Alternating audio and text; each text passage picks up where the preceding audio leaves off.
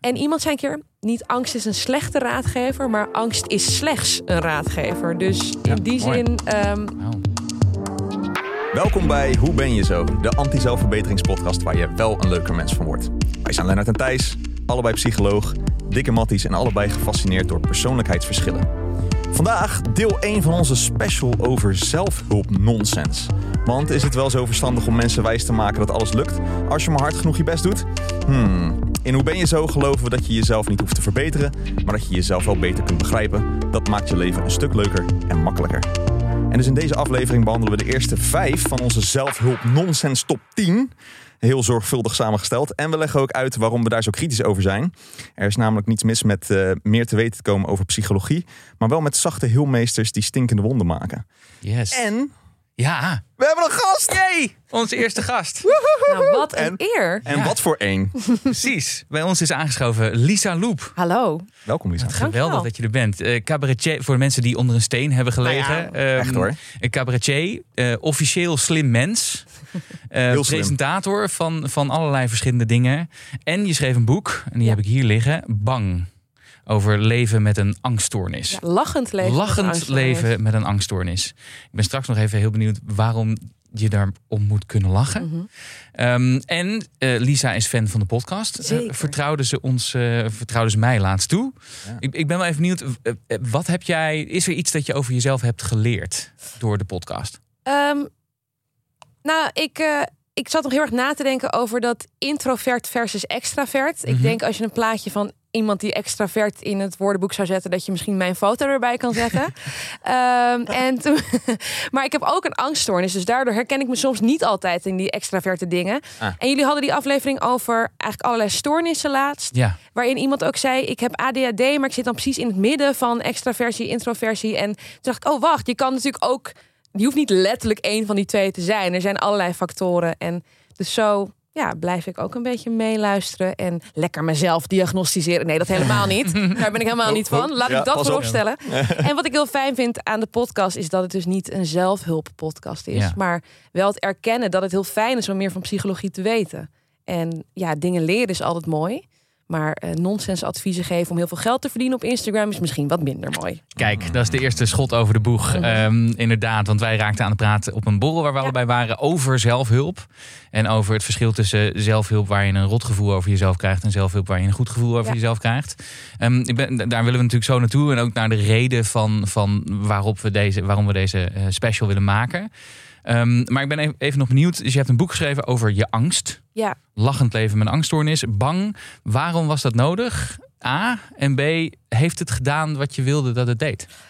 nou, ik ben. eh, Dus ik heb vijf jaar geleden de diagnose angststoornis gekregen. En ik had toen ook een eh, zware depressie destijds.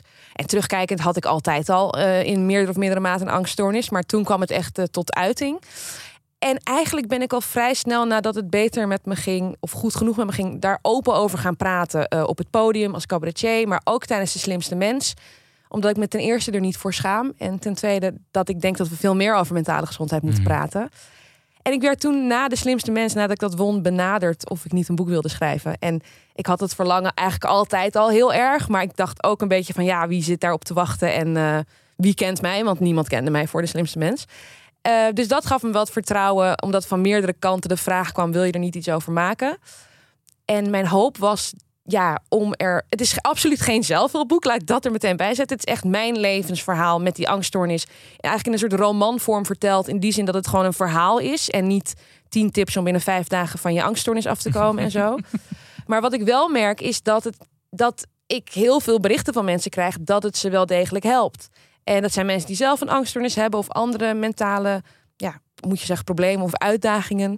Eh, maar ook mensen die het niet hebben, maar dan beter snappen wat het inhoudt om een angststoornis of een depressie te hebben. Ja. Eh, want het is heel moeilijk. Ik krijg ook vaak de vraag: wat, waar ben je dan bang voor? Maar eigenlijk is het helemaal niet zo dat ik nou bewust heel actief bang aan het ben. Aan, het aan zijn het ben. zijn ben. Ja. Ja. nou, en of dat ik mijn zinnen kan maken. Maar eh, dat is niet hoe die angststoornis werkt bij mij. Het zijn ook veel meer fysieke sensaties, gedachten waarvan je niet meteen kan plaatsen dat het angsten zijn. Ehm, en door echt die gedachten en gevoelens die ik heb ook op te schrijven in een verhaalvorm, ja, hoop ik gewoon wat meer inzicht erin te geven. En het mooie is, het is natuurlijk mijn verhaal, maar heel veel mensen herkennen dingen eruit. Dus het kan heel eenzaam zijn om een angststoornis of een depressie of welke mentale stoornis te hebben dan ook. En dan ineens merk je van wow, er zijn gewoon allemaal mensen die ik nog nooit ontmoet heb, die ouder, jonger zijn, man, vrouw, tussenin, daarbuiten, die hetzelfde voelen. Ja. En dat heeft mij ook heel erg geholpen en mij ook minder alleen daarin gemaakt. Wauw. En ik denk, ja, ik Mooi. denk dat het super dapper is hoe je het opschrijft en hoe invoelbaar je het maakt. En eh, ja, over dat geen zelfhulpboek, je zegt nog ergens van, ik zou het vooral niet aanpakken zoals ik het eh, heb aangepakt. Oh, het is zeker geen stappenplan, zou ik zeggen. Nee, het is, eh, ik heb, eh, en dat is ook wel iets, ik heb gewoon ja, er te lang mee doorgelopen. En dan lijkt het net alsof ik mezelf de schuld ervan geef. Maar ik heb gewoon heel lang niet ingezien wat er precies aan de hand was. En geprobeerd op wilskracht, terwijl ik al heel veel fysieke en mentale klachten had, gewoon door te gaan. Omdat ik niet dacht dat ik kon stoppen. Ehm, ja, ik hoop gewoon dat mensen dan zich ook wel geïnspireerd voelen om wel eerder hulp te zoeken. Want je hoeft het niet alleen te doen. Hm. En je kan het sterker nog ook niet alleen doen, denk ik. En dat is natuurlijk ook waar we het vandaag over gaan hebben. Er is toch een soort maakbaarheidsmythe in de huidige samenleving. Dat je jezelf helemaal gezond en perfect kunt denken. Nou, dat en ook Ja. misschien dat je jezelf helemaal kunt kennen en kunt doorzien. Eh, ik denk dat iedereen wel kent dat hij een vriend of vriendin heel goed advies kan geven, maar dat het voor jezelf toch altijd net wat ingewikkelder is. Zeker. Yep, oké. Waar, ja, nee, ik- heel herkenbaar. Ehm, Komt het dichtbij, eh, Eh, ja, het komt, het komt heel dichtbij. Dus goed, vandaag eh, gaan we het dus hebben, is de eerste aflevering in het kader van zelfhulp slash zelfverbetering. Ehm, en nou ja, dus deze podcast heeft natuurlijk de titel eh, de anti-zelfverbeteringspodcast. Ehm, en deze aflevering heeft als naam de zelfhulp nonsens top 10. Dus jullie kunnen al een beetje aanvoelen welke kant wij eh, opgaan. Ehm, hè, dus eh, als je vermoedt dat we er niet zo heel positief over een deel van de zelfhulp zijn, dan klopt dat. Eh, maar dat betekent natuurlijk niet dat alle zelfhulp slecht is. Ehm, en als ik voor mezelf eh, kan spreken, ik heb denk wel een paar honderd eh, zelfhulpboeken verslonden. Waarvan ik een groot deel alweer meteen vergeten ben. Maar ook een deel eh, tot, tot de dag van vandaag soort van bij me draag. Ehm, eh, dus ik leerde ook wel door, door bepaalde zelfhulpboeken meer over wie ik was en over problemen oplossen. Ehm, dus ik dacht, misschien is voordat we de kritische kant op gaan, is het ook wel goed om even te, nou, ja, jullie te vragen naar jullie favoriete zelfhulp. Want die moeten jullie ongetwijfeld ook hebben. Aha. Vertel. Ja, zal ik, eh, zal ik eh, ja. aftrappen? Eh, ja, ik moest, je, had, je had die vraag ook gesteld, dus ik moest even nadenken. Want ik heb, ik heb vast wel allemaal zelfhulpboeken gelezen. Jij had er al een paar opgeschreven. dacht ik, ja, die zou ik dan ook net hebben gezegd natuurlijk. Ehm, maar ik zat te denken aan, nou, ik vond The Subtle Art of Not Giving a Fuck... is gewoon een leuk boekje om te lezen. Ja. Ehm, en bevestigde ook wel een aantal dingen dat ik dacht of had. Dus- Namelijk? Nou, gewoon dat je af en toe gewoon een beetje scheid moet hebben. En het niet al te serieus moet nemen. Niet al te zwaar moet tillen aan Nee. dingen die dat niet waard zijn. Hè? Dat is eigenlijk min of meer Ja. zijn advies. Mark En- Manson. Ja. Precies, dus eh, nee, dat, dat, eh, dat hielp wel. Eh, iets wat een beetje, ja, niet zozeer mentaal, hoewel er ook wel mentale voordelen aan zitten, maar wat ik ook wel een, heel tof boek vond, was Breath Mhm. van James. En dan ben ik gewoon zijn naam vergeten. Is dat James? James Clear volgens mij. Clear? Dacht ik. Zou zomaar kunnen. Ik heb geen idee meer. Maar dat is alweer een tijdje, ik denk een paar jaar terug geleden is dat ik. eh, maar ik gebruik zijn dingen nog steeds. Dus hij heeft dan een boek, ik weet niet of je het kent, zo'n boek geschreven over ademhalen.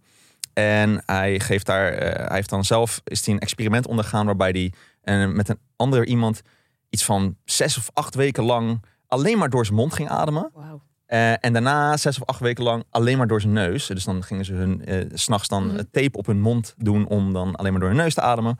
Eh, en eh, toen ze alleen maar door hun mond ademden, was het alleen maar met, met propjes in hun neus. Of weet ik veel wat, hadden ze iets chirurgisch ook in la- laten doen, zodat ze niet meer door hun neus konden ademen. En gingen ze dus allemaal dingen meten. Dus ze gingen heel veel op de loopband staan. En ze gingen allemaal dingen meten. En ook hun slaap was verstoord door mondademen. Ze, gingen, ze, hadden, ze snurkten al een beetje. Maar toen gingen ze echt naar slaapapneu. Gewoon doordat ze alleen maar met, door hun mond gingen ademen. En toen ze weer door hun neus gingen ademen, ging dat allemaal weg. Ja. En toen dacht ik, holy shit, dat is Magisch. vet. Alles, alles werd opgelost. Ja, dat was wel heel cool. Dus ik heb ook, en dat doe ik soms heel soms nog steeds. Ik heb ook zo'n soort Hansaplast tape thuis liggen. En heel soms doe ik zo'n postzegeltje tape dan op mijn lippen als ik ga slapen. Dan adem ik wat meer door mijn neus. En ik voel me dan ook wel iets relaxter of zo. Ik slaap iets beter. En mijn vrouw is blijer, want ik snurk niet. Dus, Fair enough. dus dat, eh, dat heeft wel eh, veel geholpen. Ja, en, eh, en ja, last but not least, fucking druk. Wat een boek. van, van mijn vrolijke vriend Thijs. Ja, ja is gewoon... Die dus stiekem ook gewoon zelf hulp schrijven laten. Ja, eigenlijk wel. zijn. Dus, eh, het is gewoon zelfhulp, basically. Oké, fair enough. Maar het is gewoon een goed boek. Dus ja, hey, dat heeft wel geholpen om ook wat meer over stress na te denken. En ook mijn eigen stress van mijn eigen leven een beetje onder de loep te nemen. Dus nogmaals dank. Ja, heel, heel graag gedaan. Lisa, wat heb jij favoriete zelfhulp? Nou, ik denk wat het ding is met zelfhulp. Volgens mij zijn we alle drie niet tegen zelfhulp of Nee. zelfhulpboeken. Klopt. Als het echt zou helpen, is het natuurlijk top als je jezelf kunt helpen door middel van een boek. Alleen ik denk dat er iets te vaak gewoon een verdienmodel achter zit, gebaseerd op halve tegeltjes waarheden, eh, die iedereen maar met elkaar aan het verspreiden is, aan het overnemen is, en dan ook nog een soort portie manifestatie en kwantummechanica. Waar ik Oh, weet ja. niet hoe ze dat erbij halen. Ik heb nooit natuurkunde gehad, maar zelfs ik snap dat het niet kan. Als je deeltjes heel hard tegen elkaar laat Ja. botsen, gaat er vast iets gebeuren, toch? Eh, en vooral de, de, de connotatie dat als je het dus niet goed genoeg doet, dat het je eigen schuld is. En Ja. die maakbaar. Nou, ik heb dat net al een beetje gezegd. Ja. Maar goed, ik ben dus helemaal niet anti-zelfhulp. Maar heb je werkt. één specifiek boek of, of, of Nou- methode of, of tip gehad waarvan je, die je vaak nog gebruikt? Ik moet zeggen dat ik bijvoorbeeld het boek Thinking Fast and Slow van Ja, Daniel ja. Kahneman. Maar is dat zelfhulp? Het heeft mij wel heel erg geholpen. Want hij, het heet ons vuilbare denken in het Nederlands. Ja. En hij legt gewoon uit hoe die verschillende denksystemen werken. En dat je heel veel denkt dat je bewuste keuzes maakt. Maar ondertussen heeft je brein al lang gekozen. En Ja. zij hebben natuurlijk Kahneman en Tversky. Tversky. Ja. hebben natuurlijk heel veel onderzoek gedaan, echt baanbrekend onderzoek in de eh, sociale psychologie. Wat is het? Nou ja. Cognitieve, Cognitieve, ja. cognitieve psychologie, Dus die kant. dan is het ook nog enigszins onderbouwd. En ik ben wel heel erg van het eerst zien dan geloven. Dus eh, bijvoorbeeld mindfulness werkt voor mij ook heel goed. Maar het helpt mij ook dat ik weet dat er heel veel Wetenschappelijke basis wetenschappelijke voor is. Ja. Eh, en ik moet ook denken aan het boek Flow. Ja, Ehm, Chisek Mehali. denk het, ja. Ja, ja. Ik hoor het u zeggen. Ja. Ehm, dat heeft me ook wel heel erg geholpen door gewoon ehm, ja, te, te zien wanneer ik zelf vastloop in mijn leven. Ik heb een hele brede interesse, maar ook weinig aan, nou, aandacht niet. Ik heb weinig geduld voor dingen. Dus door meer op die dat snijvlak van, uitdagend, maar dat je het Mhm. nog wel kan. eh, Handelen. dat eigenlijk, ja, dat, dat, eh, ik probeer mezelf vaak in die staat te brengen. Of ik vind het heel leuk om te merken dat ik in die staat ben Ja. geraakt. Dus zit en ook Grit, bijvoorbeeld van Angela Duckworth, vind ik een heel interessant boek. Ah, ja. Maar dus ik haal, en ook zelfs uit romans, kan ik heel veel halen. Bijvoorbeeld moet ik denken aan Normal People van Sally Rooney. Prachtig, ja. Nou ja, daar heeft die jongen op een gegeven moment ook echt wel een depressie in. En dat heeft mij dan weer geholpen om mezelf beter te begrijpen. Terwijl dat is een roman met een verzonnen iemand. Mhm.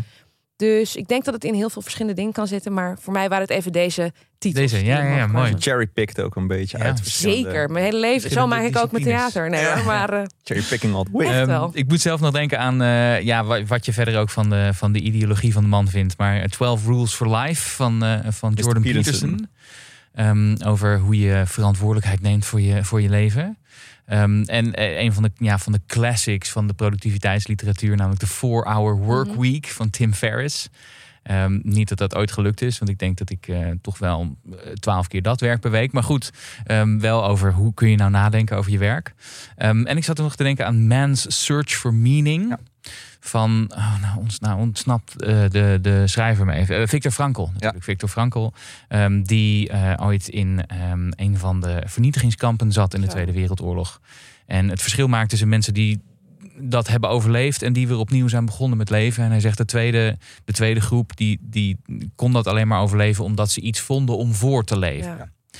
Over de, de rol van betekenis in je leven. Mhm. Dat vond ik eh, ontzettend indrukwekkend. Eh, al deze dingen kun je in de show notes vinden. Tenminste, Ja hoor, ik zal ze er wel eh, in gaan plaatsen. Mijn huiswerk is weer... goed. Ja, Vastgesteld. Precies. Nou, dan hebben we, die, hebben we dat gedaan. En dan kunnen we nu naar, naar de zelfhulp nonsens top 10. Behalve dat we nog even naar een sponsor. Ja, Ja. we hebben weer een sponsor voor deze podcast en deze aflevering. En dat is dit keer Yoku. Joku. Je schrijft Y-O-K-U-U, maar je zegt Yoku. In ieder geval, dat, heb ik, eh, dat eh, weet ik toevallig. Eh, maar de lens schoonmaken komt er weer aan. In ieder geval, we zitten midden in de lente, dus misschien ben je al aan het schoonmaken gegaan. Nou ja, dus met deze gezondere en ecologische schoonmaakproducten van Yoku, daar, daar kan je ermee de voeten uit. Het is een Belgische start-up die probiotische schoonmaakproducten maakt zonder plastic afval, of zo min mogelijk. ja. Ehm, dus dat is wel interessant. ja, het idee is dus dat je met, met goede bacteriën helpt om schoon te maken. En dat het ook nog eens goed is voor je, eh, voor je eigen immuunsysteem. Of beter dan de chemische producten die je anders zou gebruiken.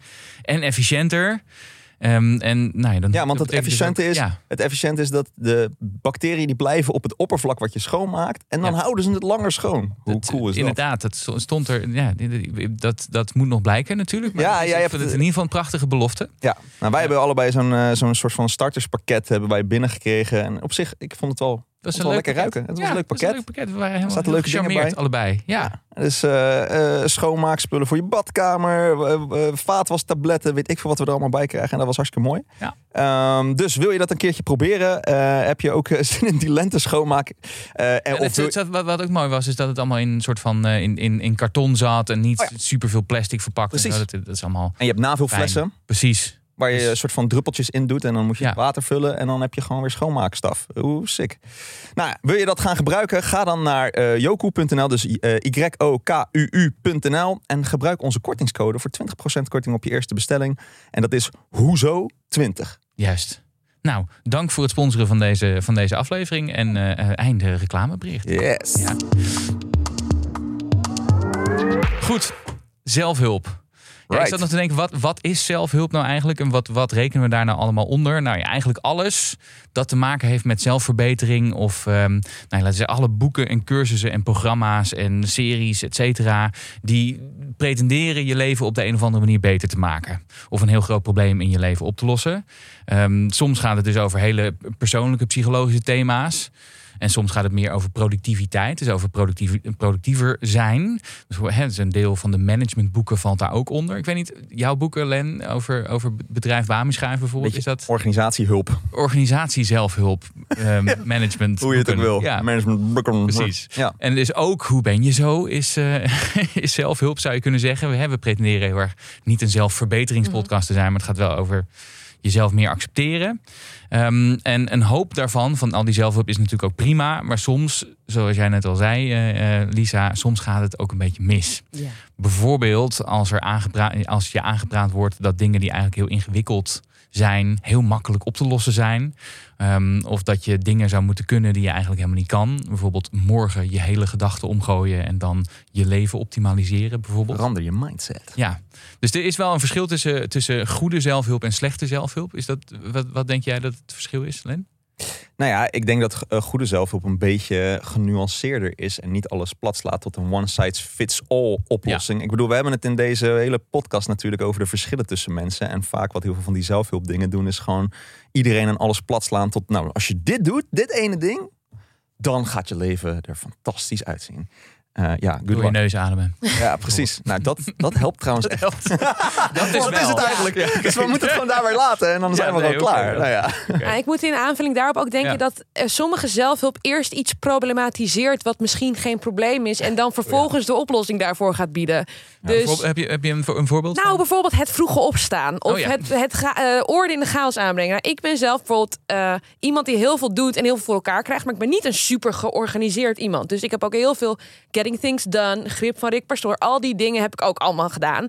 Of Notion, dat is dan zo'n soort zelfbouw productiviteitsding wat je kan doen. Dan ga ik weer voor 400 euro zo'n abonnement daarop nemen en denk nu komt het allemaal goed in mijn leven.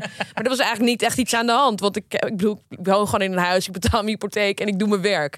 Maar ik denk dat je hebt dan de Miracle Morning en zo, dat soort boeken van als je de, deze CEO staat om vijf uur 's ochtends op en als jij ook miljonair wil worden, moet je dit en dit en dit doen. Ja, if it ain't broke, don't fix it, zou ik dan denken. Mm. Heb je het gevoel dat, er, dat, je, dat bij jou ook problemen aangepraat zijn door dat soort boeken of dingen? Eh, nou, ik denk dat we makkelijk meegaan in een soort frame van dit is echt een probleem en we moeten hier nu mee dealen allemaal. Terwijl, ja, wat ik zeg, niet alles hoeft een probleem te zijn. We zijn allemaal verschillende mensen en iedereen doet de dingen op zijn eigen manier. Als je echt ergens last van hebt en je wil daar uitkomen, dan zou ik eens gaan kijken naar wat kan ik hier aan doen. Maar eh, nee, dus ik denk dat ja, dat hele productiviteitsdingen. Tijd, productiviteit, productiviteitsdingen eh, en de hustle culture en eh, de, je hebt ook zero downtime was op een gegeven moment iets wat ik Ja, iemand dat, hoorde daar, wil, zeggen. daar wil ik naartoe, want dat, staat dat staat ook in je boek. Je hebt een periode gehad waarin je denk ik ook wel voor een deel in, in de greep was van, van angst of Ja. van depressie. Waarin jij heel veel productiviteitsdingen hebt, hebt bekeken. Mhm. Kan je daar iets over zeggen? Nou, het was dus, dus eigenlijk. In, ik, ik kreeg in 2017 diagnose depressie en angststoornis. Maar in, en dat was in november van dat jaar. Maar eigenlijk begon het allemaal al in december een jaar eerder. En ik merkte gewoon dat het minder goed met me ging. Dat ik steeds slechter ging slapen. Dat ik een writersblok kreeg. Terwijl ik een nieuwe toneel- of een cabaretvoorstelling aan het maken was. Dus ik zag allerlei symptomen van iets, maar ik wist niet wat het was. En ik dacht, ik ben te lui en ik moet harder aan de slag. En als ik nou maar heel productief word, dan kan ik deze problemen oplossen. Dus toen ging ik inderdaad, ik had eh, ik was toen nog een cabaret duo. We hadden 80 keer gespeeld in een jaar. Vijf dagen vrij. En we zouden dan daarna meteen een nieuwe voorstelling gaan maken. Eh, we hadden ook Oh. echt slechte begeleiding hierbij, laat ik dat vooropstellen. We waren jong en we wisten niet beter. En eh, ik dacht, ik was op vakantie in Lissabon met mijn man. Ik dacht, ik moet nu ontspannen. Ik moet nu uitrusten, want ik moet weer beginnen over vijf dagen. En, eh, en dus inderdaad mezelf wapenen voor de gevoelens en gedachten die ik had. Hmm. Door middel van productiviteit. Dus ja, je hebt allemaal van de YouTube-kanalen voor Living a Better Life. En er is zo'n gast, Ali Abdaal, die zit op YouTube. En die, die, zit, die heeft een heel groot YouTube-kanaal met... Ja, dat heet ook wel Toxic Productivity, wordt het genoemd. Waarbij het echt gaat over eh calendarblokken. En dat je dan ook zelfs je wc-bezoek in je kalender of in je agenda zet. Zodat je dat dan ook ingepland hebt, bij wijze van Dat is dat zero downtime. Weet je, ja, en dus ook dat als je op het wc zit, luister je ondertussen een podcast die over iets nuttigs gaat. Eh, als je aan het koken bent, kijk je een YouTube-filmpje. Zodat je altijd bezig bent met jezelf verbeteren. En dat, dat, dat deed jij dus op een Ja. gegeven moment ook. Ja, en dat ik daardoor eh, was ik ook. Ik raakte steeds verder ook van mijn eigen gedachten en gevoelens af. Doordat ik de hele tijd mezelf met andere prikkels aan het bezighouden was. Die neiging heb ik nog steeds soms wel. En het is altijd een. Was het, was het vermijdingsgedrag dan? Denk het, ja. Want ik, ik was gewoon heel erg in de ontkenning dat er iets aan de hand was. Ja. En dat het niet goed ging. En ik moest ook door. Hè? Dus ik was allerlei tools probeerde ik te krijgen. Van hoe kan ik nou door en het. eh, ja, hoe ga ik dit oplossen? Hm. Hoe ga ik dit fixen? Het ligt aan mij. Ja. Had je een idee dat er een soort van eh, licht aan het eind van de tunnel dan zou zijn of zoiets? Of, eh, Nou, of, of moest je wel gewoon doordenderen? Ik moest echt doordenderen en er stond eh, een première in een uitverkochte kleine komedie gepland. En dat was dan in oktober van het jaar. En ik dacht, na de première mag ik instorten. Hmm. Dus ik had ook al zoiets van... Dat stortte ook zo. Ja, en ik had ook al in de zomervakantie was ik met mijn man in Amerika en kon ik één dag helemaal niet meer stoppen met knipperen. Dus ik was gewoon constant aan het knipperen met mijn ogen. Eh, gewoon een onwillekeurige beweging was dat, die ik niet kon stoppen. En toen waren we op de hotelkamer. Het ging al maanden niet goed. En eh, nou ja, je kan het allemaal lezen in mijn boek. Eh, maar ik zal even de korte versie hier geven. Eh, en we hadden op een gegeven moment een, zo'n vragenlijst gedaan. Ook weer lekker zelfdiagnose, maar goed. Met de kenmerken van burn-out. En als je er vijf of meer had, had je het. En ik had ze allemaal. En we keken elkaar zo aan van... Goh, eh, Hmm. ik geloof dat het toch niet helemaal goed is. En eh, ja, nou ja. Nou goed, even doorknallen tot de première. En eh, daarna mag ik... Ja, we zeiden letterlijk, daarna mag je instorten. Niet dat mijn man nou vond dat ik niet mocht stoppen. Maar ik zat zelf een soort... Met Dat- het idee van ik moet die première spelen. Ja, ik had, ik was een cabaretduo. Mensen waren afhankelijk van me. Het was mijn grote droom om daar ooit te mogen spelen in de kleine komedie. Ehm, nou, ja, allerlei belangen wogen mee. En ook natuurlijk vooral mijn eigen idee van... ik ben sterk, ik mag niet zwak zijn. Want dat is wat je dan gaat denken Mhm. over jezelf. Ja, en ook dat idee van moeten ontspannen. Hè? Dus Ja. vaak al heel erg proberen te ontspannen is een hele goede manier om niet ontspannen te worden. Nou ja, en dat zie je ook wel bij die toxic productivity. Ja. Van eh, je moet dan mindfulness doen of meditatie, zodat je weer harder kan knallen daarna. Of bedrijven die dan gratis meditatielessen geven, zodat mensen productiever worden. Ja, dan wordt het wel heel erg een, een, eh, een middel om een bepaald doel te bereiken, terwijl het daar volgens mij weg van moet. Ja. Goed.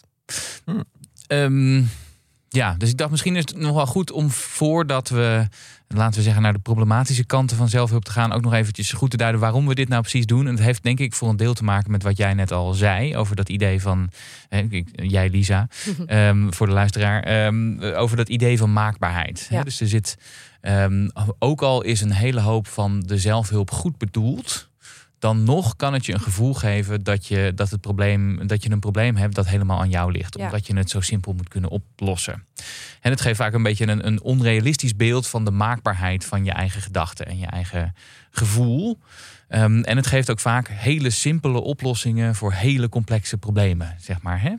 Ehm, ik probeer nu heel hard te denken aan een ander voorbeeld dan het boek Brief waar jij net over had. Ehm, Ja, je mag eh, dat voorbeeld Maar ik denk ja. dat manifestatie in die zin ook een Ja. soort simpele oplossing Ja.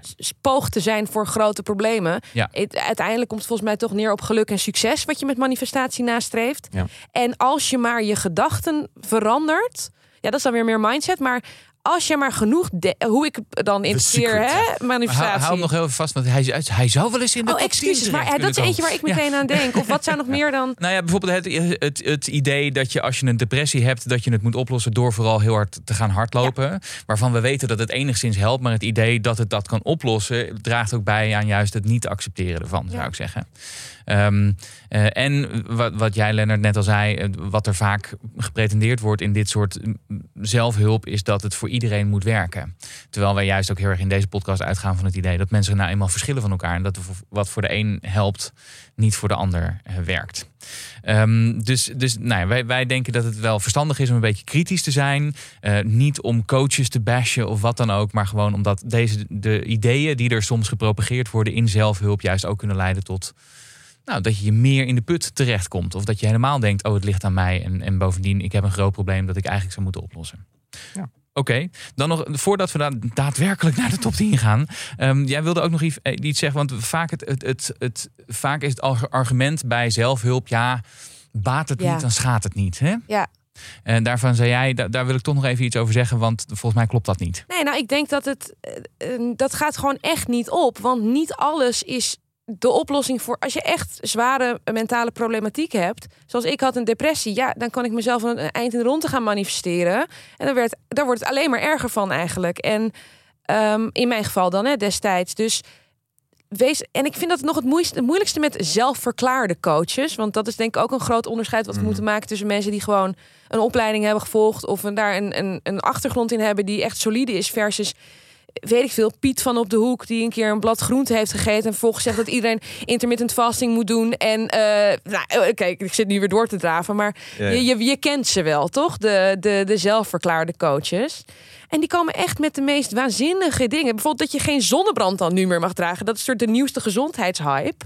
Dat schijnt, ja, er zijn heel veel mensen die vinden dat dan slecht. Want Big Pharma, want bla bla. Terwijl dat is gewoon heel erg slecht en gevaarlijk. Nou ja, dat heb je waarschijnlijk bij een mentale problematiek net zozeer dat er adviezen gegeven worden die echt slecht en gevaarlijk zijn, waar gewoon een professional. Wat, wat is, het, wat, wat is het slechtste advies oh, ik weet hem. Had? Ja? nou, dat is een hele. Ik heb in mijn boek een hoofdstuk. het verhaal wisselt eigenlijk tussen gewoon mijn chronologische levensverhaal en een soort tussenhoofdstukken die uh, bijvoorbeeld zijn wat voor rare dingen mensen tegen je gaan zeggen als je hoort. Oh, dat ja. Uh, als, als, je, als je vertelt dat je een depressie hebt. Maar ik heb ook een hoofdstuk uh, waarin ik vertel wat ik allemaal moet van mezelf. Dat hou je nu omhoog. Mhm. Maar ik moet meteen denken aan het raarste advies dat ik ooit gekregen heb. toen ik vertelde dat ik een depressie had en angststoornis. Dat ik een ayahuasca-ceremonie zou moeten doen. Om de demonen uit mijn hoofd te drijven. Want dat was eigenlijk waardoor het kwam. En? Mhm. Ik heb dat ten natuurlijk niet gedaan. Maar stel je voor dat je iemand die hele heftige angsten en paniekaanvallen en zo heeft. een ayahuasca-ceremonie laat doen. Of paddo's wordt me ook nou aangeraden. ja, zeker een slecht, een slecht begeleide ja. ayahuasca-ceremonie. Dus ook weer daar wordt er, wordt er verward dat we weten dat het voor sommige mensen helpt. Uh, helpt. Dan wordt er een soort blanket advies van iedereen zou dat moeten doen gegeven. En dat is dus niet super handig bij sommigen. Dus als je, als je een beetje kwetsbaarheid hebt richting uh, paniek of angst of, of psychose, dan, dan moet je daar heel erg over nadenken of je dat zou willen doen, zeg maar. Hè? Is een bad trip uh, snel om de loer? Ja, dat is niet, dat is niet al te best. En een bad trip, bad trip is nog tot, tot daar aan toe, maar um, hè, we weten het kan van, problem, problematiek werken. Ja, het, het, kan zelfs als een trigger werken als je, uh, als je psychotisch, hè, als je kwetsbaar ervoor bent. Dus ook weer daar, dat is waarschijnlijk de, de allerbeste intenties van die mensen die jou het advies geven om dat te gaan doen. Maar het, dat betekent niet dat het advies heel gezond is. Nou, en ik denk mensen redeneren natuurlijk vanuit zichzelf iets wat mhm. hen geholpen heeft. En dan willen ze eigenlijk het evangelie verspreiden van wauw, ik heb hier zoveel aan gehad. En daarom is het misschien ook wel goed als je maar nu, ik, dit is geen advies of zo, maar ik zit gewoon hard op te denken van iemand die het niet zelf heeft, kan dus wederom meer met een soort helikopterview er naar kijken, een behandelaar of professional. Ja. Uh, want niet alles werkt voor iedereen en het kan dus wel degelijk ja, gevaarlijk zijn. Nou, dit was allemaal heel negatief. Maar... Nee, maar dit, ik denk dat we hebben deze afleveringen juist daarom ook. Dus laten, we maar gaan, laten we er maar gewoon aan beginnen, toch? Let's go.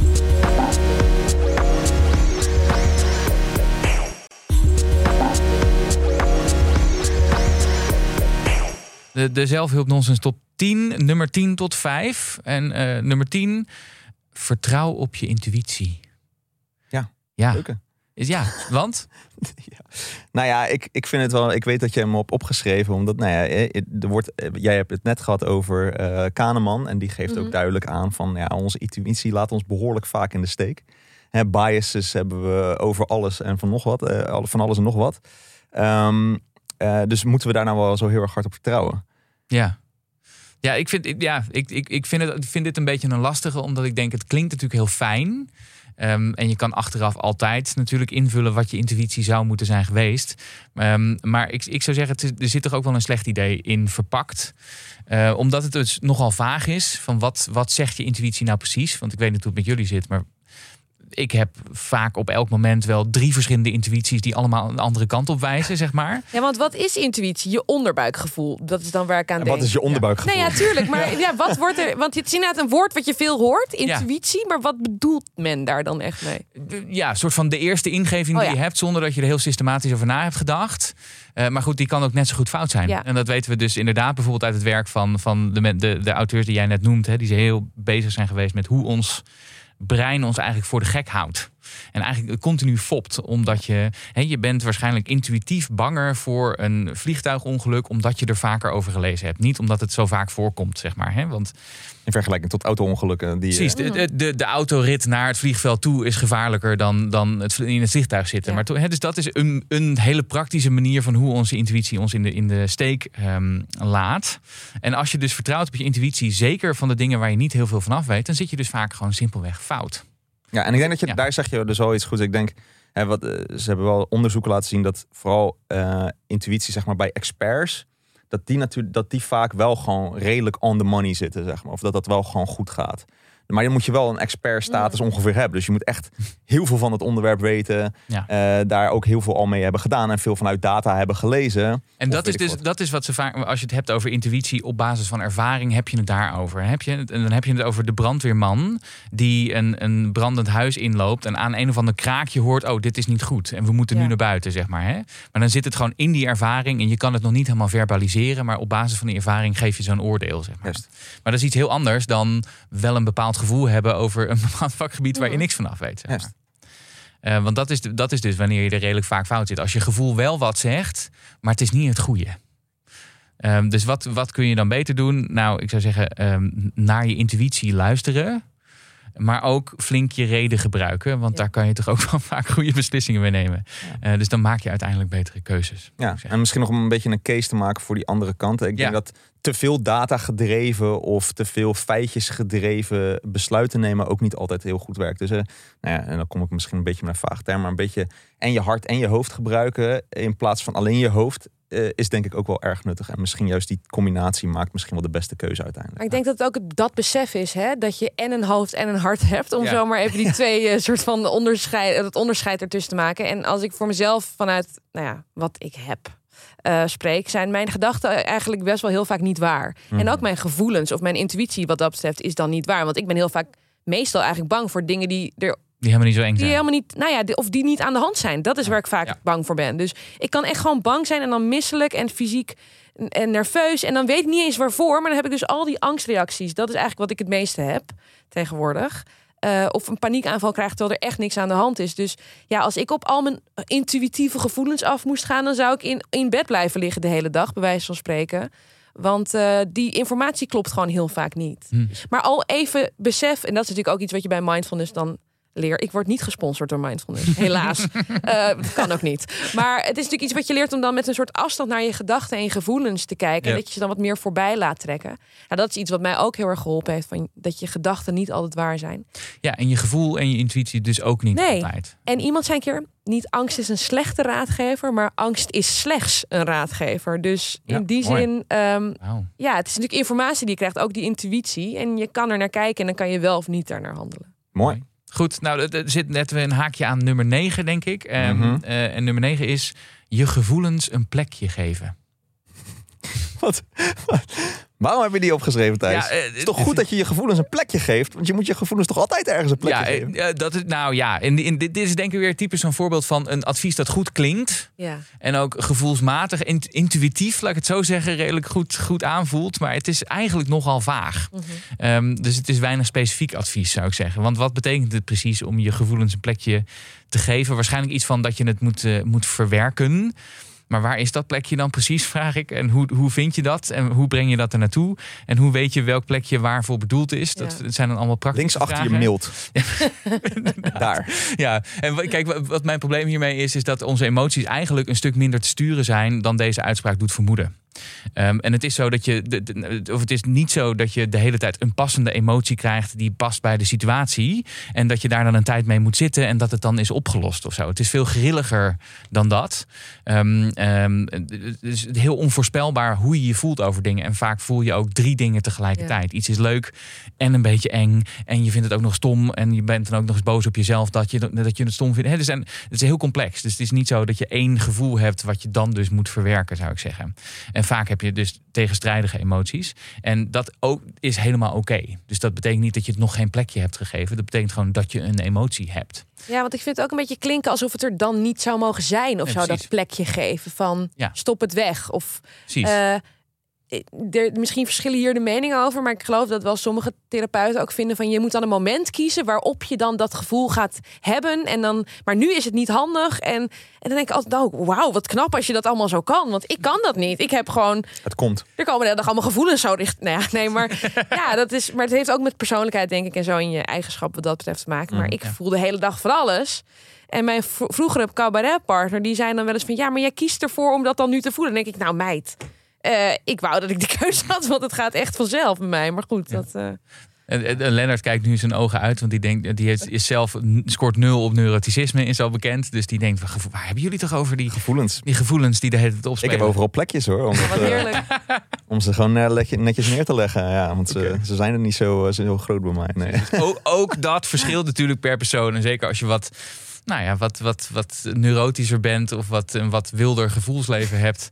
Ehm, zoals wij denk ik iets meer Ja. hebben in ieder geval dan, dan Lennart. Dan ehm, is dat misschien niet altijd heel goed advies. Dus Ik heb ook wel gevoelens hoor. ja, dat Nee, weet maar ik toch wel. Maar jij geeft zo meteen al een plekje. Dat is het. Die zitten eigenlijk al op een plekje. En die komen dan gewoon even hallo. Van Nou, kijk, ik denk wat voor mij in ieder geval in mijn hoofd het plekje is, is dat je het in ieder geval eens af en toe gewoon kan uiten. Mhm. En dat je het op een goede manier uit. En niet op een soort destructieve manier. Of eh, heel erg naar jezelf toe bijvoorbeeld boos wordt. In plaats van eigenlijk boos wordt op de situatie. Hè? Dus, eh, dus de, de verkeerde kant het opsturen, zeg maar. Je moet het de juiste kant opsturen. Wat nog steeds bloody vaag is, by the way. Hm. Eh, maar ik denk dat als je dat wel doet, dat dat wel helpt. Ja. Ehm, eh, en als je dus sneller kan, ja, die, dat kan accepteren bij jezelf, dat is denk ik wat ze onder het een plekje geven noemen.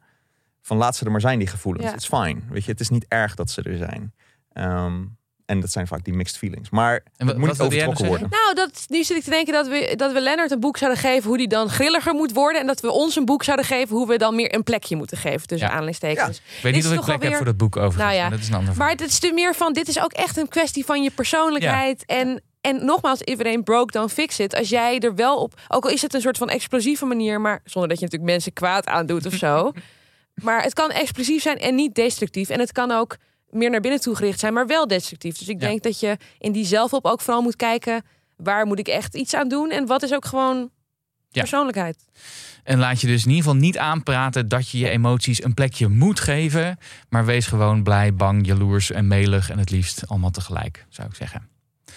Nummer 8. Ja, let's go. Ja, je authentieke zelf. Je wat? Je authentieke zelf, Lennart.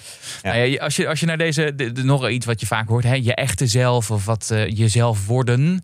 Of naar jezelf op zoek gaan. Dat is ook altijd zo'n variatie ervan. Je echte ik vinden. Je echte, ja, precies. Je echte Je ik. ware ik Ja, vinden. wat, wat vindt mijn echte ikje ervan? Ja, nou, als je naar deze podcast luistert, dan zul je inmiddels hebben begrepen dat persoonlijkheid gewoon complex is. Ehm, en dat je als mens uit heel veel verschillende dingen bestaat. Hè? De ervaringen uit het verleden, je genetische achtergrond, de opvoeding die je hebt gehad, de verschillende facetten van je persoonlijkheid. De omgeving waar je je nu in bevindt. Precies, je gemoedstoestand en eh, de invloed van de mensen om je heen. Al die dingen. En, je- eh, en al die dingen ben je ook tegelijkertijd. Dus het idee dat, er- dat je iets van een authentiek zelf helpt- hebt. eh, waar je meer of minder in de buurt kan komen. Ja, ik, vind dat, ik heb dat altijd een beetje larikoek gevonden. Je bent namelijk gewoon wie je bent. Op welk moment dan ook. Ja. Ja, we hadden het ook nog over self-monitoring in een andere Ja. aflevering. Waarbij sommige mensen ook het prettig vinden om juist continu te wisselen van wie ze zijn. Om, en dat hoort eigenlijk bij hun authentieke zelf. Ja. Dat vinden zij prettig eh, om zich af te stemmen aan de mensen die waar, ze, waar ze mee zijn. Eh, Ja, dus Hoe authentiek ben je dan, zeg maar? Precies. En natuurlijk kun je, kun je dingen doen die, ehm, eh, die minder bij je passen. Of overtuigingen hebben die, waar, die je later weer bijstelt. Daar gaat het natuurlijk helemaal niet over. Maar dat idee ehm, dat je. Dat je nou, dat er zoiets is als je ware zelf, waar je dan in je leven steeds een stapje dichterbij komt. Ja, ik denk dat dat. Ik ben daar een beetje kritisch over. Het is ook bijna een beetje klinken als een soort sterrenbeeldachtig iets of zo. Van je wordt zo geboren en je beweegt naar het andere toe. En Ja. Maar geloof jij dan niet in sterrenbeelden? Eh, ik heb er wel een, maar eh, nee, ik ben daar niet zo van. Maar ehm, Licht eh, zacht, zachtjes uitgedrukt. ja, dat is vrij zacht uitgedrukt. Maar eh, nee, ja, ik vind het heel vaag. Maar ik denk ook, als ik hoorde met het zelfmonitoring, we spelen toch allemaal in die zin verschillende rollen. Of we Ja. hebben verschillende rollen in ons leven. We zijn kind van iemand, de ouder van iemand, vriendin of vriend. dus ja. Ik weet eigenlijk niet wat dit toevoegt aan het Nee, verhaal, dat- maar... Nee, die verschillende rollen. Dus ben je, Ja. je bent niet één ding. Dat Nee. is een beetje het hele En verhaal. ik heb ook het gevoel dat dat je authentieke zelf wel heel erg een soort Instagram-ding is van. En dan moeten we allemaal huilende foto's op Instagram zitten. En, en Alsof Instagram zo authentiek is. dat Nee, maar toch van een soort van fake echtheid of zo. Pas als Fake je dat... echtheid. Ja, Mooi. nee, Ja, maar dat is het. Ja, nou, dat is wel. Ik denk dat is de zelfhulp bullshit hier. ja. Is de, de, de neppe echtheid die we moeten laten zien. Want als we toch allemaal Instagram eh, eh, goed erop moeten staan. Ja, het is, het is hoe bijna een fucking soort echt het zijn is we dan? een, een narratief ding. Hè? Van eerst was ik iemand die niet helemaal bij me paste, maar nu heb ik mezelf helemaal gevonden Ja. en nu ben ik wel mezelf. Terwijl ik dan altijd denk, ja, hoe, zit hoe kijk je daar over vijf jaar tegenaan? Ben je Mhm. dan nog steeds die persoon of ben je dan weer iemand anders geworden? Want je bent namelijk altijd alleen maar de enige versie van jezelf die je zult zijn. Ja. Maar goed, dat zou mijn eh, eigen kritische, authentiek jezelfje dan wel zijn. Next. Goed, zelflabeling. Ja. Ja, Self-labeling. Ja. Oftewel, eh, als je. Nee, jij hebt dat gevonden, blijkbaar dat het een trend is op TikTok. Ik zit er niet op, dus, maar jij zal het nou, blijkbaar niet alleen weten. TikTok, denk ik. Maar Maar dat, eh, dat, het- dat je aan het zelflabelen ja, bent, dus jezelf een label? Dat je jezelf jezelf- een label geeft, een, een, een, een, een, een stoornis eh, aanpraat bijna. Eh, ik heb ADHD, weet je wel, want ik kan mezelf niet een kwartier lang concentreren. Of ik heb een autisme spectrumstoornis, of ik heb autisme. Eh, ze zullen niet autisme spectrumstoornis, denk ik, heel snel op TikTok helemaal zo uitgebreid zeggen. Maar Mhm. je hebt maar korte de tijd natuurlijk om een goed filmpje op te nemen. Maar eh, eh, ja, ik heb autisme, want ik tik de hele tijd of met mijn vinger. Of ik heb OCD of weet ik veel wat. Ehm, of ik heb een sociale angststoornis. want ik ben wel eens een keertje bang. En soms wel eens overweldigd. En als ik in een kamer kom, dan voel ik nog wel eens dat de lichten heel, fijn, heel fel zijn. Dus ik ben hoogsensitief. Dat soort labeltjes. Ja. En, daardoor ben ik... een beetje zielig. natuurlijk wat, ja, dus maar we zullen daar zo nog op terugkomen. denk. Maar eigenlijk bedenk ik nu dat jij iets vertelde over dat je jezelf had gediagnosticeerd met een burn-out. Ja. Eigenlijk is dat ook zelflabeling. Tuurlijk. Ja, en, eh, maar ik had me niet met het goede gediagnosticeerd. Want ik had een depressie en angststoornis. Ja, oké. Ja. Ja. ja, en ik, ik heb vooral eigenlijk veel last van dat andere mensen mij diagnoses toesturen op Instagram. Oh, hoe Eh, werkt het dan? Nou, heel veel mensen zeggen ja, maar jij hebt toch ADHD of jij hebt ADD of eh, of dan ook. Nou, sommige mensen zeggen gewoon jij hebt dit, en andere mensen die zeggen van hé, hey, ik heb je boek gelezen, maar en ik ben ook een coach en ik heb toch een ander idee van wat jij hebt. dus ga eens niet meteen zeggen, maar of ik dat dan wil weten en vrijblijvend een keer dan een sessie. Oh, die gaan Ja, ja, Oh, die ja. verkopen het gelijk. Maar dan Oh. denk ik ook wederom van, weet je, eh, ik heb daar niet om gevraagd. Ik zou er ook heel terughoudend mee zijn met andere mensen vertellen wat ze dan volgens jou allemaal hebben. Ehm, Er zit wel een verdienmodel achter, dat blijkbaar. lijkt me ook, ja. Wat? Met mensen die een boek hebben geschreven over hun eigen ervaring met een mentale stoornis, een coachingsafspraak Ja. aanproberen te bieden. Het is sowieso Oh, raar dat je dan, eh, dat je dan iemand. Ja, dat is heel raar dat je met, mensen gewoon op Instagram benadert om te zeggen: Ik denk dat jij dit hebt. Ja. Kom maar bij mij, want dan help ik je er vanaf of zo. Ja. Ja. What the fuck? Dus mocht je nou luisteren naar deze podcast en je doet dat, niet meer doen. Nee. En ook doen. mij hoef je geen bericht te sturen wat ik dan heb, want ik heb al mijn inbox zit al vol. en ehm, mijn psychiater heeft ook niet zeg maar vijf seconden naar me gekeken en toen gezegd: je hebt dit. Er zijn wel echt heel veel gesprekken voor nodig. Ja, maar dat, is, eh, dat, dat staat in jouw boek ook. Ehm, dus je hebt eerst eh, ben je bij een huisarts geweest en die zei je, bent, eh, je hebt een burn-out. Ja, en ook een psycholoog die dat. En een psycholoog die dat zei. En later ben je dan uiteindelijk bij, bij Hans de Pilleman Hans. Pilleman. Hans de Pilleman, de psychiater. die uiteindelijk met een aantal diagnosesessies met jou heeft gedaan. En dan uiteindelijk met deze diagnose kwam. Of deze klassi- klassificatie kan, kwam. Ehm, dus dat, dat, dat geeft ook wel aan hoe, lang dat, hoe, hoe nauwkeurig je moet kijken voordat je iemand zo'n zo'n groot woord Ja. geeft. Hè? Nou, en bij de psycholoog heb ik echt alle psychologische testen, ook gewoon van die standaardtesten gedaan. Ja. En daar scoorde, scoorde ik dan 100% op depressie, 100% op PTSS, 100% op somatische klachten. En niet alleen ten opzichte van de gewone populatie, maar ook ten opzichte van andere. Klinische populatie. Ja. precies. Echt off, Ja. off the charts. En ik wilde altijd al een 10 voor alles. En hier had ik ook een 10 voor. Dus het was echt. eh, Maar zelfs zij was nog in een soort bias dat ze Ja. zei: en je hebt een burn-out. Terwijl Ja, De tests de zeiden testen zeiden toch dingen. echt iets anders. ja de Eh, testen gaven gewoon aan. Ik ben in grote nood. momenteel. Dat ja. En toen zei ze: we kunnen wel gaan afbouwen. Maar goed, dit is wel weer. ehm, ook weer. Wat- misschien Wat vind, jij, specifiek. wat vind jij van eh, dat je uiteindelijk wel dus een label hebt? Ja. Is, dat, is dat fijn? Omdat je bent ergens aan toe of niet? Of, Ik vind het heel fijn.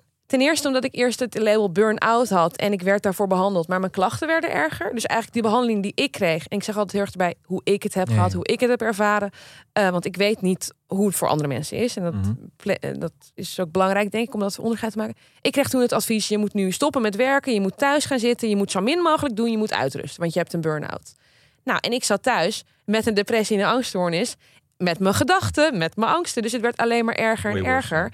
En in het begin kon ik nog wel een uurtje de stad in of zo. Of nou, de stad was eigenlijk al wel te veel, maar een uurtje iets doen, een wandeling maken. Maar ik kon ook steeds minder, terwijl ik zeg maar die burn-out behandeling had, tussen aanhalingstekens. Ehm, dus toen ik uiteindelijk te horen kreeg, nee, je hebt een angststoornis en een depressie. Ik vond het wel heftig dat het echt een depressie was. En dat is gewoon mijn eigen vooringenomenheid geweest qua mijn eigen beeld van wat is burn-out, wat is depressie, hoe zwaar of zo is dat. Ehm, maar aan de andere kant dacht ik wel, ook ik heb het niet zelf gedaan, want ik had heel erg een soort schuldgevoel van ik heb te hard gewerkt, waardoor ik een burn-out heb gekregen. Het Ah. is mijn schuld. En bij depressie, nogmaals mijn eigen vooringenomenheid, had ik het idee van daar kan ik dan niks aan doen, want dat krijg je.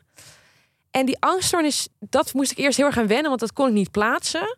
En dat heeft me later wel heel erg geholpen om meer compassie voor mezelf eigenlijk te hebben. En meer te denken, oh, de monstertjes in mijn hoofd, zoals ik ze dan noem. Ik zie soms die film Inside Out van Pixar voor me. Mhm. Eh, allemaal soort van monstertjes die in mijn hoofd wonen, die dan dingen tegen me zeggen. Ik heb geen stem in mijn hoofd voor verder, maar eh, het helpt mij om het Iedereen soort heeft van... stemmen in zijn hoofd. Het gaat, er, Dat gaat erom wat je ermee doet. Maar meer van om het te relativeren helpt mij wel. Ja. Eh, maar terugkomend op je vraag. Ik ben dus heel blij dat ik een label of een diagnose gekregen heb. Omdat het mij mezelf beter doet snappen. En ook omdat ik denk, ik heb dus een aandoening. En dat is iets wat ik serieus dien te nemen. En waar niet een schuldvraag bij zit. Wat ook weer erg terugkoppelt naar de zelfhulp. Ja. Nou, ook hoeveel mensen toch me- denken over mentale problematiek. Dat het iets is waar je zoveel invloed op hebt. Of wat je schuld is.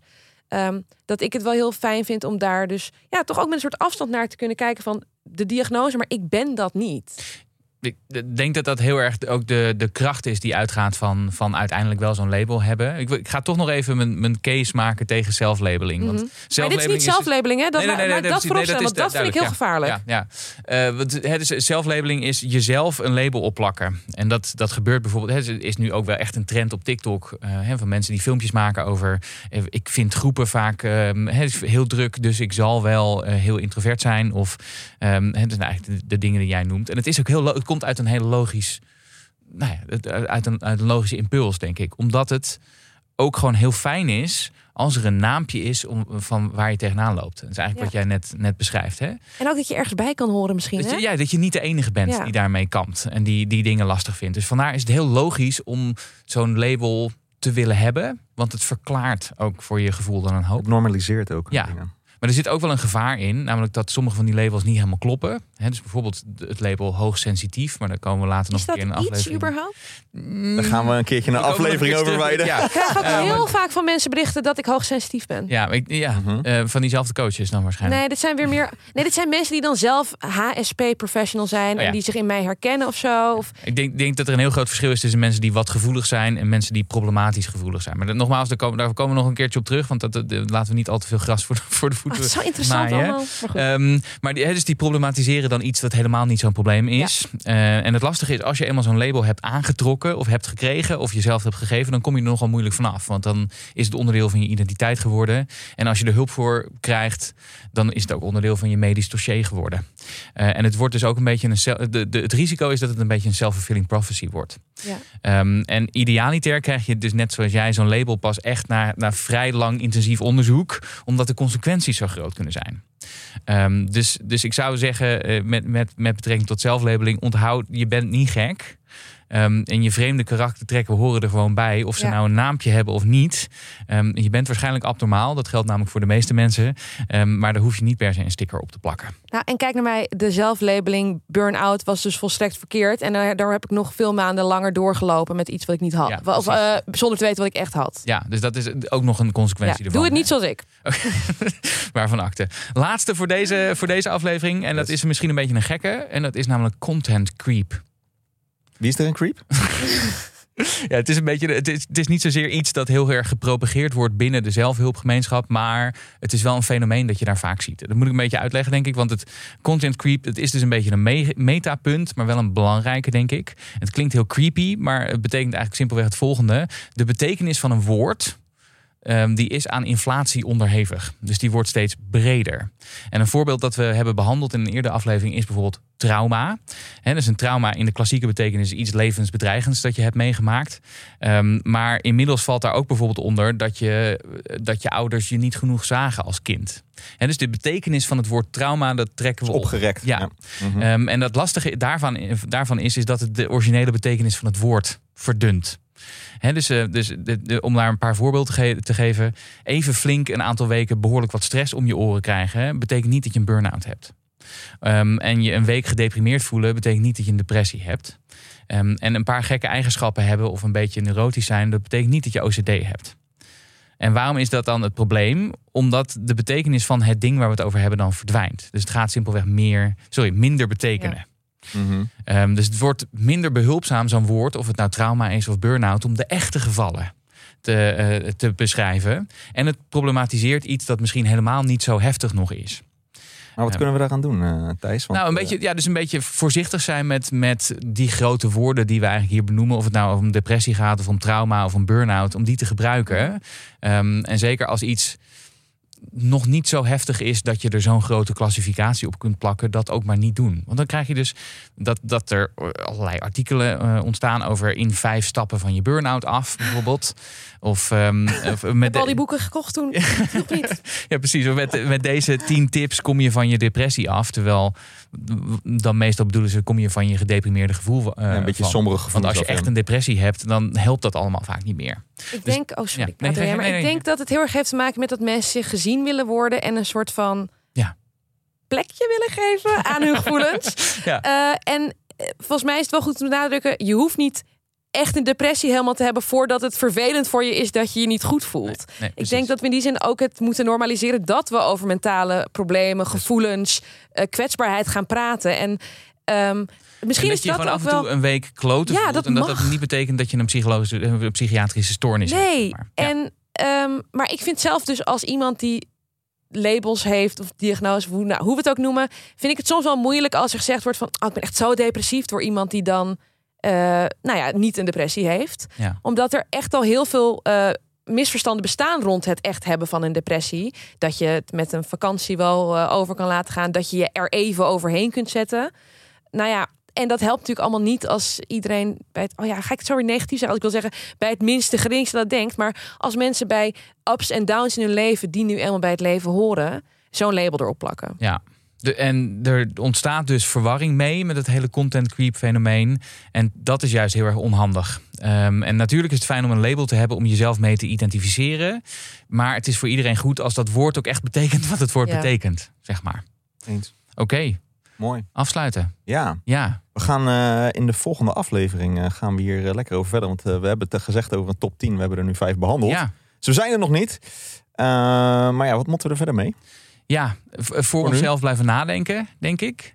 En uh, gebruik maken van goede zelfhulp, gezonde zelfhulp. Maar niet je laten aanpraten dat je van alles moet dat helemaal niet effectief is of werkzaam. Um, en je geen problemen laten aanpraten die je niet hebt. Nee. Zou ik zeggen, lijkt me een hele gezonde. En als je dus zelf vragen hebt, dan mag je ze altijd nog insturen. Zeker. Um, maar geen diagnose. Maar geen diagnoses. Nee, alsjeblieft niet. En geen um, uh, psychologisch advies uh, op individuele basis doen we ook niet. Maar als je je iets afvraagt over je persoonlijkheid of over zelfhulp of over iets waar we het over gehad hebben in deze aflevering, kom maar door. Um, ik ga je natuurlijk, uh, Lisa, volgende aflevering uitgebreid bedanken. Maar in ieder geval bedankt voor deze aflevering. En we gaan de volgende keer verder. Ja, yes, dus we gaan afronden. Nou, wat heb je over jezelf geleerd in deze aflevering? Laat het ons weten via de socials, YouTube, TikTok, Instagram. Onder Hoe Ben Je Zo podcast kan je ons vinden. We zijn heel benieuwd wat je er uh, hebt geleerd. En geef ons natuurlijk... Uh, Vijf sterren ratings, uiteraard. Minstens vijf Minstens sterren. vijf sterren. En, en onthoud, nee, je hoeft jezelf niet te verbeteren. Een leuker leven begint wel bij meer begrip en acceptatie. En het idee opgeven dat je anders moet zijn dan je bent. Dat geldt voor de authentieke zelfjes. En ook voor al die mensen die hun gevoelens een plekje hebben gegeven. Doei!